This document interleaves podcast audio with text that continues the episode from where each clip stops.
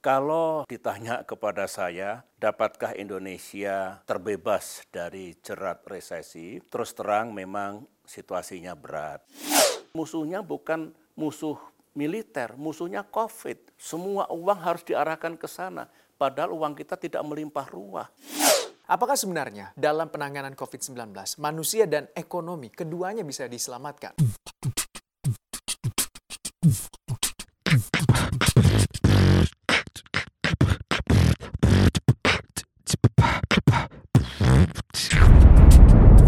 Cuap-cuap cuan. Halo Sobat Cuan, ini adalah episode spesial yang akan kamu dengarkan. Tentunya ini kesempatan emas bagi saya, Gibran Bisa mewawancarai Presiden ke-6 Republik Indonesia, Bapak Susilo Bambang Yudhoyono. Kita berbincang soal perekonomian di masa saat ini Dan juga soal politik global. Seperti apa? Selamat mendengarkan.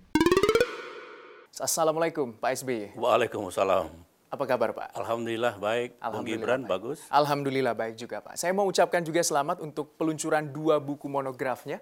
Ini yang pertama adalah Dunia Damai Jika Keadilan Tegak, No Justice No Peace. Dan yang kedua sangat menarik tentunya, ini pandemi COVID-19, jangan ada yang dikorbankan. Manusia dan ekonomi keduanya dapat diselamatkan. Terima kasih juga untuk bukunya Pak untuk Terima saya. kasih. Ini yang menarik Pak, karena Bapak juga menulis soal pandemi COVID-19.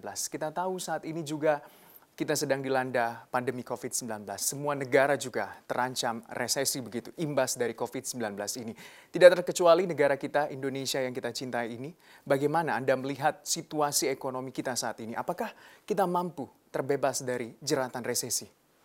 Pertama-tama, saya berharap kita tidak perlu sangat cemas atau risau kalau harus mengalami resesi ekonomi di Indonesia. Karena dunia memang sedang dalam keadaan resesi. Bangsa-bangsa lain juga mengalami hal yang sama. Kalau bicara resesi, Bung Gibran, memang secara teknis menurut ekonomi, resesi itu terjadi apabila terjadi penurunan pertumbuhan, drop in GDP, eh, negatif eh, dua kuartal berturut-turut.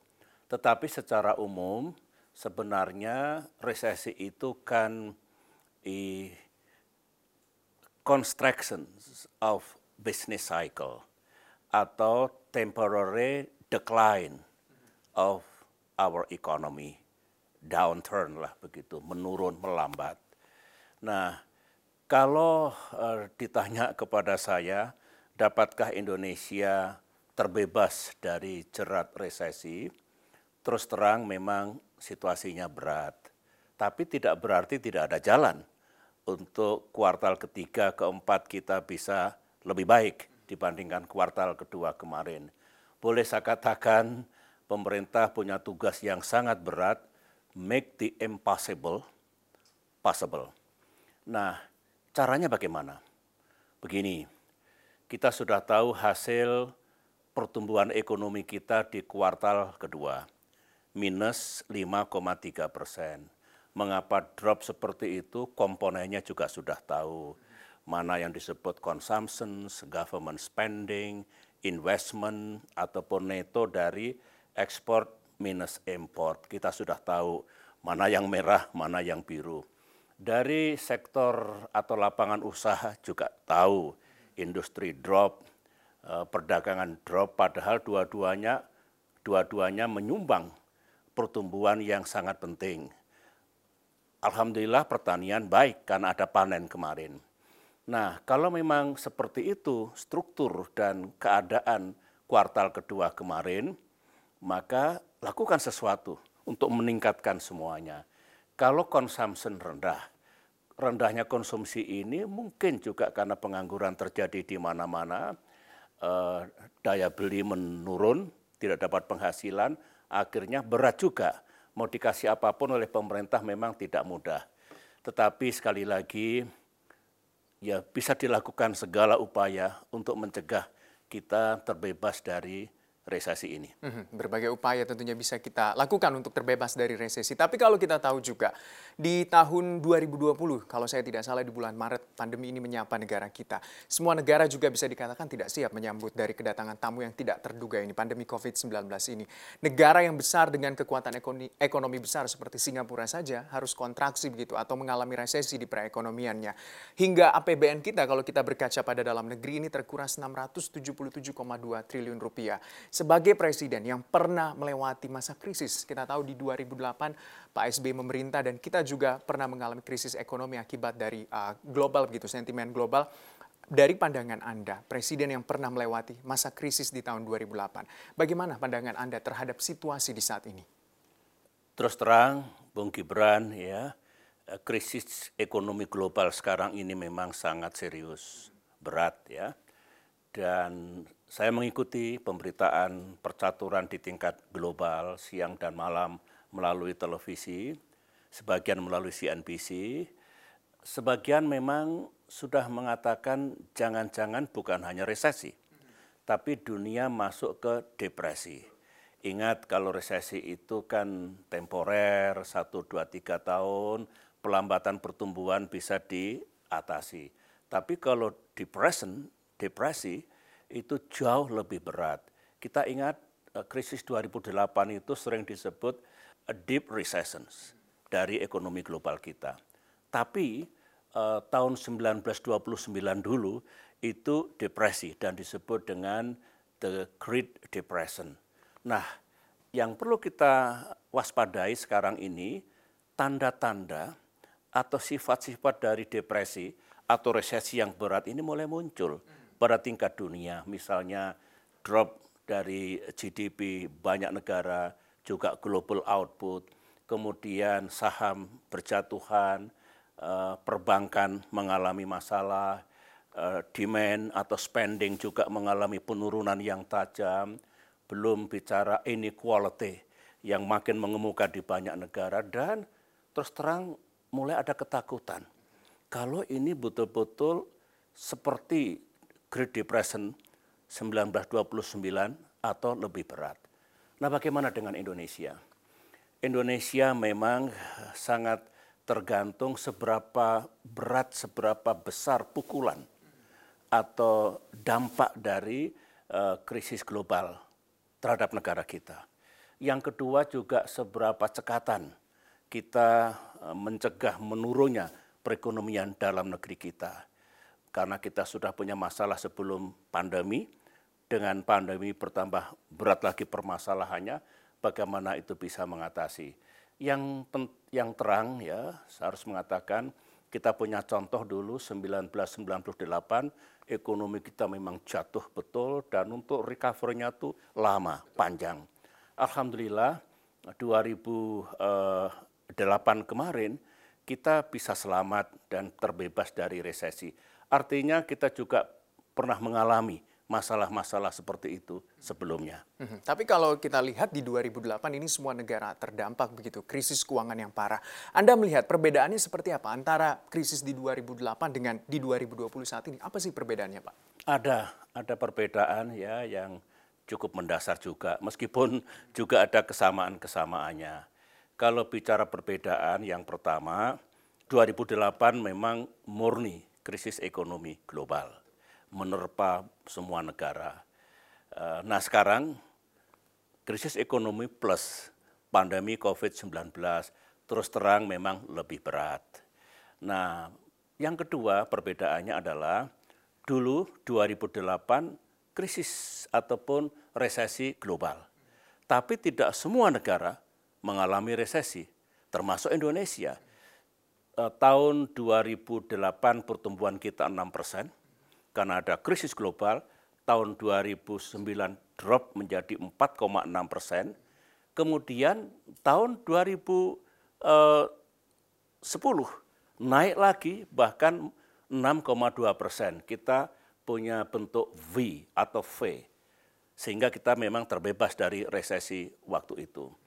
Nah, sekarang ini eh, secara secara global ada resesi, hampir semua negara juga mengalami resesi. Kemudian begini, kalau ditanya untuk negeri kita sendiri. Apa perbedaan dan persamaannya? 2008 dulu, eh, jangan dikira sebelum ada krisis kita tidak punya tekanan, punya. Harga minyak meroket, masih ingat kan? Tahun 2005 sehingga kita menaikkan 140 persen harga BBM kita. 2008 meroket lagi bahkan puncaknya bisa mencapai 150 dolar per barrel harga minyak. Itu juga tekanan yang berat. Belum ada bencana alam banyak sekali, ada tsunami, gempa Jogja, gempa Padang dan banyak sekali. Juga sebetulnya ada flu burung. Artinya kita juga punya permasalahan sebelum krisis 2008 yang dulu. Nah sekarang ini 2020 kita juga punya permasalahan di bidang ekonomi kita sebelum pandemi datang. Misalnya utang kita sudah lumayan besar, baik pemerintah maupun BUMN. Eh, GDP kita memang mengalami pelambatan ya, tahun-tahun terakhir. Lantas ada persoalan daya beli dan pengangguran.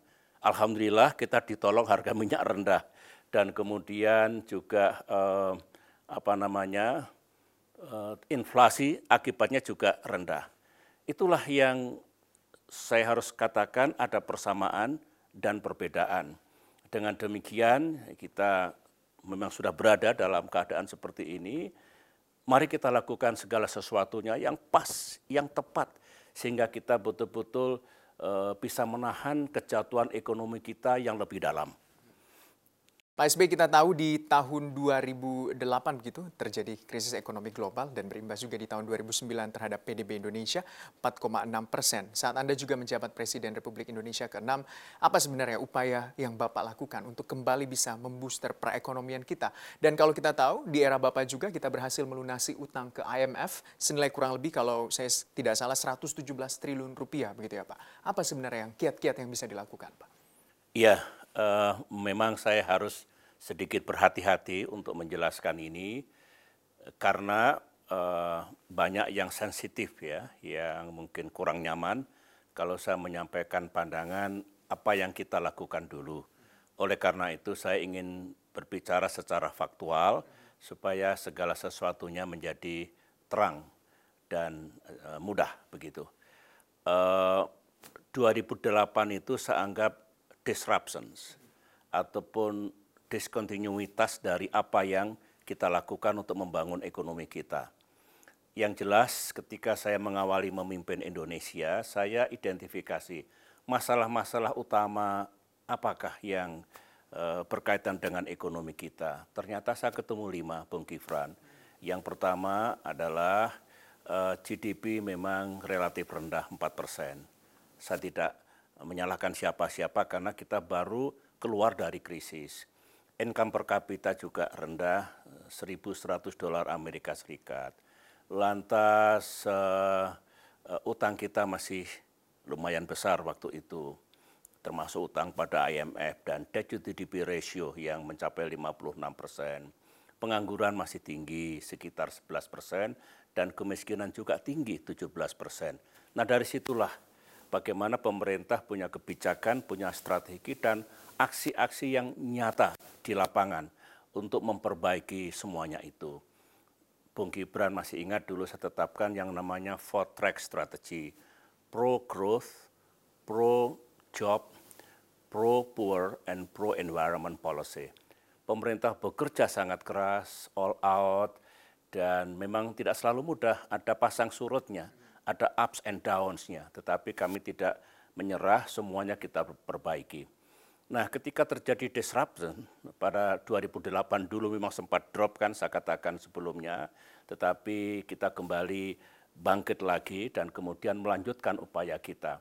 Ekonomi kita itu khas ya, jangan disamakan dengan ekonomi Malaysia, ekonomi Tiongkok, ekonomi Singapura yang kebanyakan export oriented economy ekonomi kita itu masih bersandar kalau pertumbuhan pada konsumsi rumah tangga, konsumsi pemerintah juga, kemudian investasi. Oleh karena itulah saya fokus memang 2008 eh, melanjutkan bagaimana kita memang menjaga konsumsi rumah tangga ini dan konsumsi pemerintah juga investasi. Karena ekspor kita memang belum sangat besar dibandingkan negara-negara yang menganut ekspor oriented eh, economy.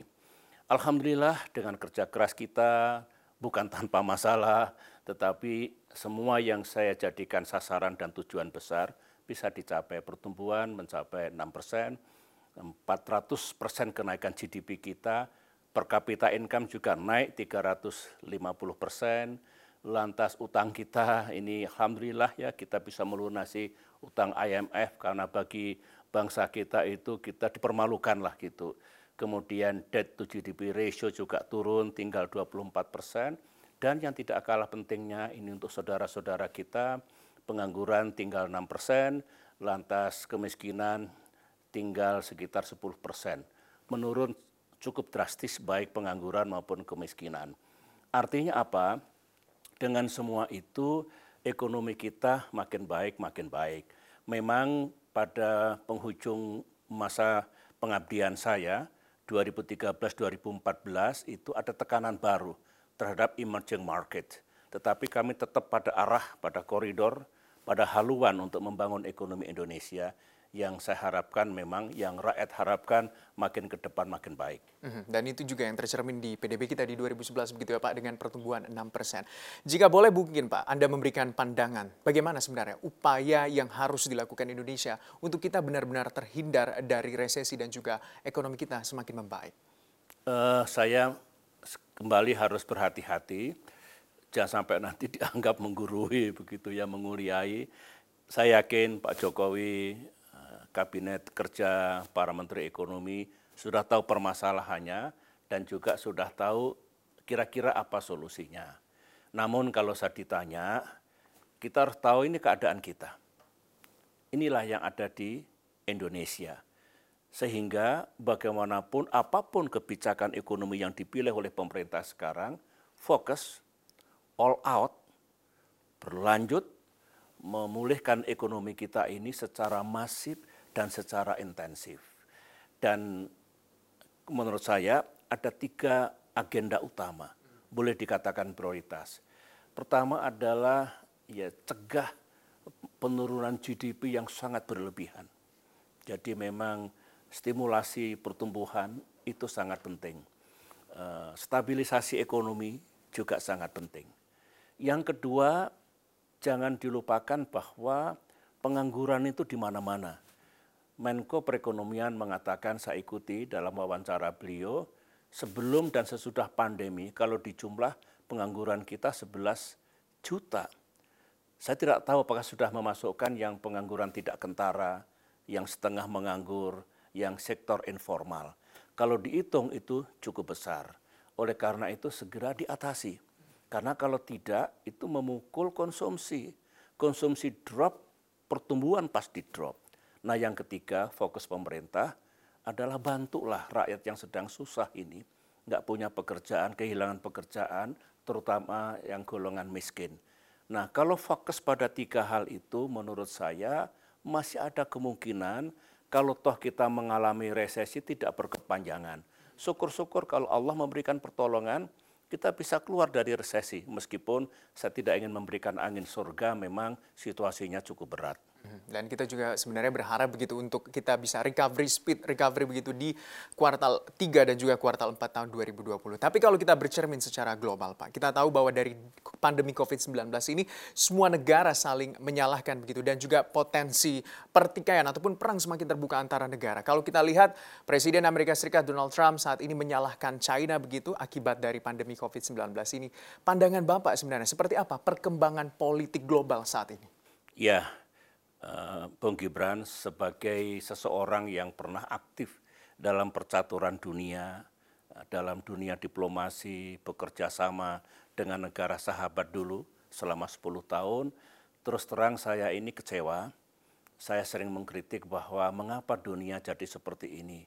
Menurut saya kurang bersatu, kurang padu, dan seolah-olah uh, untuk kepentingan negaranya sendiri kerjasama rendah. Jadi jangan-jangan membenarkan tesis sekarang ini apa namanya masuk ke dalam narrow nationalism, nasionalisme sempit, everybody for itself. Nah, ini tidak bagus.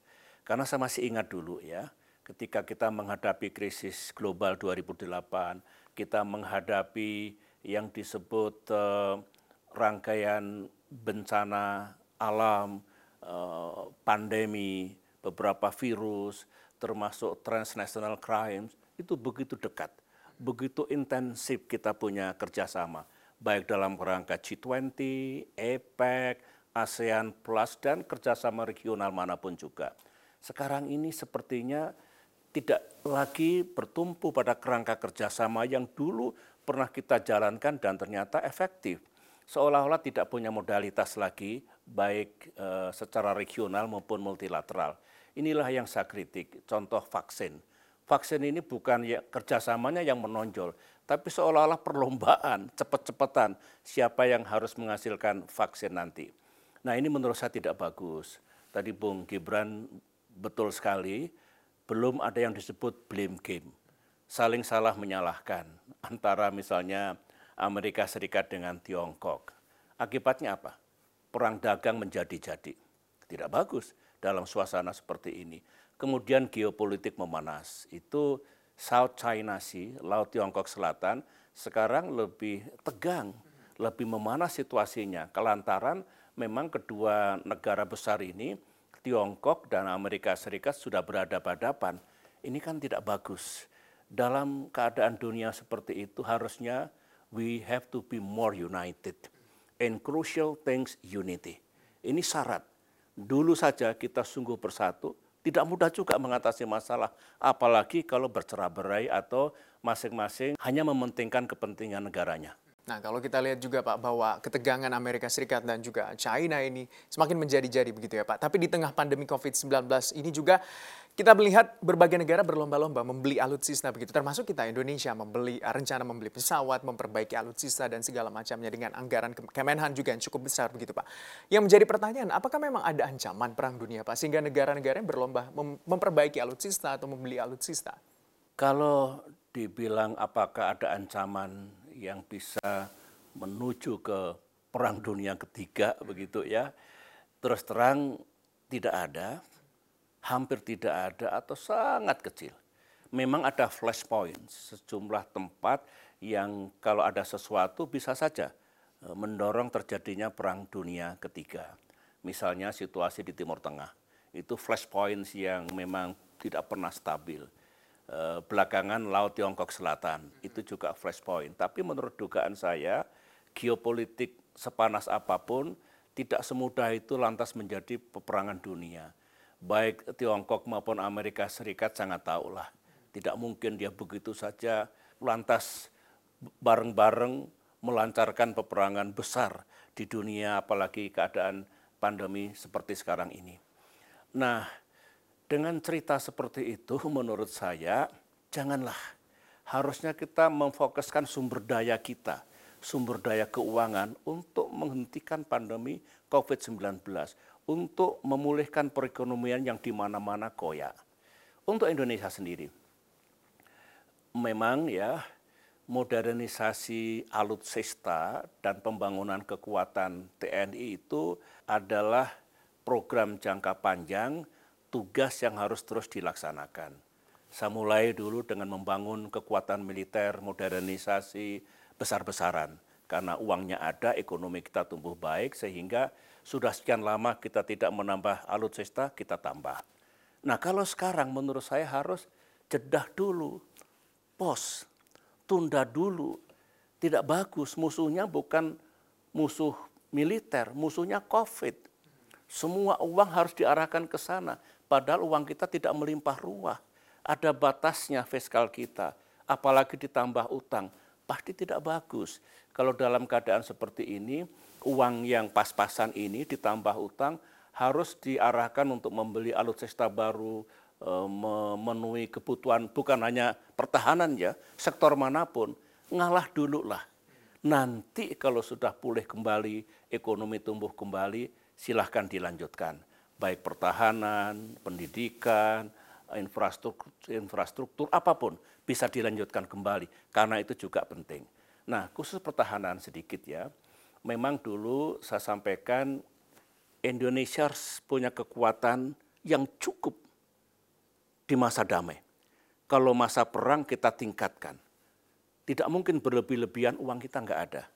harus membiayai pendidikan, kesehatan, mengurangi kemiskinan, dan lain-lain. Oleh karena itu, eh, dalam keadaan seperti ini, menurut saya kita pos dulu, nanti dilanjutkan lagi sehingga kita memiliki kekuatan pertahanan yang bisa menjadi daya tangkal dan bisa menjaga keutuhan negara kesatuan Republik Indonesia. Pak SBY, kalau kita lihat situasi saat ini di negara kita juga bahwa kita sepakat bahwa COVID-19 adalah musuh kita bersama dan selama vaksin juga belum ditemukan kehidupan normal ataupun kehidupan dunia juga belum eh, diramal begitu tidak akan kembali seperti sedia kala atau normal. Pandangan Bapak seperti apa? Vaksin sangat sangat penting ya. Uh, kita berharap kalau vaksin sudah diketemukan dan dikonsumsi oleh masyarakat sedunia maka penyebaran COVID-19 yang terkenal agresif itu bisa dihentikan. Artinya eh, vaksin punya peran besar untuk betul-betul mencegah pandemi ini berlangsung lebih lama lagi. Oleh karena itu, kerjasama untuk memproduksi vaksin dan juga kerjasama untuk mendistribusikannya itu sangat penting. Saya sudah katakan jangan yang diutamakan perlombaannya. Sebab kalau perlombaannya gagal kita bekerja sama, sangat mungkin vaksin sudah ada, sudah diproduksi, tapi distribusinya tidak eh, tepat dan tidak adil. Itu yang harus kita pastikan kehadiran vaksin di masa depan. Namun, jangan sampai kita semua negara-negara hanya menggantungkan vaksin semata. Sekarang ini vaksin belum ada. Maka semua upaya untuk menghentikan COVID-19 sertaannya untuk memulihkan ekonomi harus jalan terus. Makin intensif, makin fokus, dan makin all out. Itu menurut pandangan saya. Biarlah nanti tanpa kita sadari kita punya bonus. Bonusnya apa? Hadirlah vaksin. Apalagi begini, COVID-19 ini dikatakan bisa bermutasi dan bisa bertransformasi. Kita tidak tahu seberapa efektif vaksin yang telah diketemukan ini betul-betul bisa menghentikan. Sama sekali tidak muncul lagi. Zero lah gitu. Nah kalau itu pun juga belum tahu, maka sebagusnya memang kita ingin vaksin segera diproduksi dan dibagi-bagikan, tetapi semua upaya untuk menghentikan COVID-19 ini harus terus dijalankan. Hmm, dan itulah juga yang dilakukan saat ini tentunya untuk memproduksi begitu vaksin dan sekarang masuk dalam tahap uji coba klinis yang ketiga begitu ya Pak. Tapi berbicara soal COVID-19, Anda juga menulis buku Jangan Ada Yang Dikorbankan, Manusia dan Ekonomi Keduanya Bisa Diselamatkan. Apakah sebenarnya dalam penanganan COVID-19, manusia dan ekonomi keduanya bisa diselamatkan? Saya berpendapat bisa. Tidak harus memilih salah satu karena ini juga bukan dilema. Uh, tidak harus, sudahlah, yang penting ekonomi gerak. Atau eh jangan gerak dulu ekonomi, biar selesai dulu uh, penanganan COVID-19-nya. Tidak seperti itu.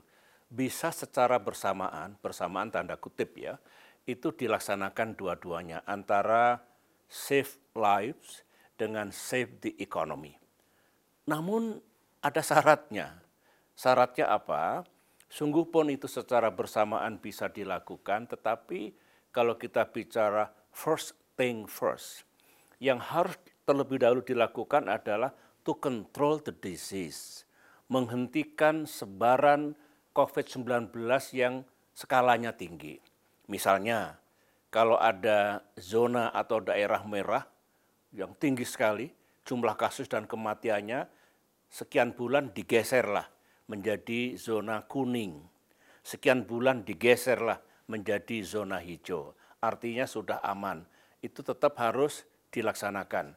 Dengan demikian semboyan keduanya bisa dilakukan itu sungguh dimengerti, tapi prakteknya juga tepat dan benar. Hmm, seperti itu. Pak, Bapak sebagai Presiden Indonesia dua periode, sekarang juga sebagai seorang negarawan. Harapan Bapak begitu terkait dengan Indonesia untuk ke depannya, seperti apa Pak? Kita sebenarnya sudah punya visi besar Bung Gibran ya, meskipun tidak tertulis tapi sudah menjadi rahasia umum. Semua sepakat, Presiden Jokowi yang sekarang dengan pemerintahannya saya ikuti tekadnya juga sama dengan yang ingin saya sampaikan ini. Ingin betul negara kita ini di abad 21 menjadi negara maju, developed country. 2045, satu abad setelah kita merdeka, kita menjadi negara yang kuat, strong nations. Dan sebenarnya kita berangan-angan dan menjadi tujuan kita 2030 mendatang Indonesia menjadi emerging economy yang juga kuat. Itu cita-cita kita, visi besar kita. Memang sekarang sedang ada disruption, shocks, discontinuity. Mungkin kita setback untuk sementara. Memang sejarah kerap seperti itu. Tetapi kalau memang sudah saatnya bangkit nanti, sudah pulih lagi, kita harus melanjutkan cita-cita besar itu. Kita harus membangun negeri kita ini dengan sekuat tenaga, bangsanya bersatu, pemimpin-pemimpinnya visioner, kemudian kita bersama-sama lah mengatasi permasalahan di negeri ini, membangun negeri ini sehingga progresnya real atau nyata.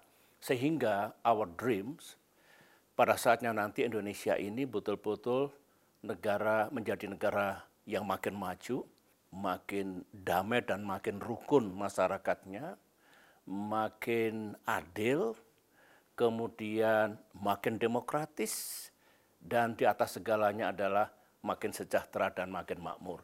Itu adalah long term vision.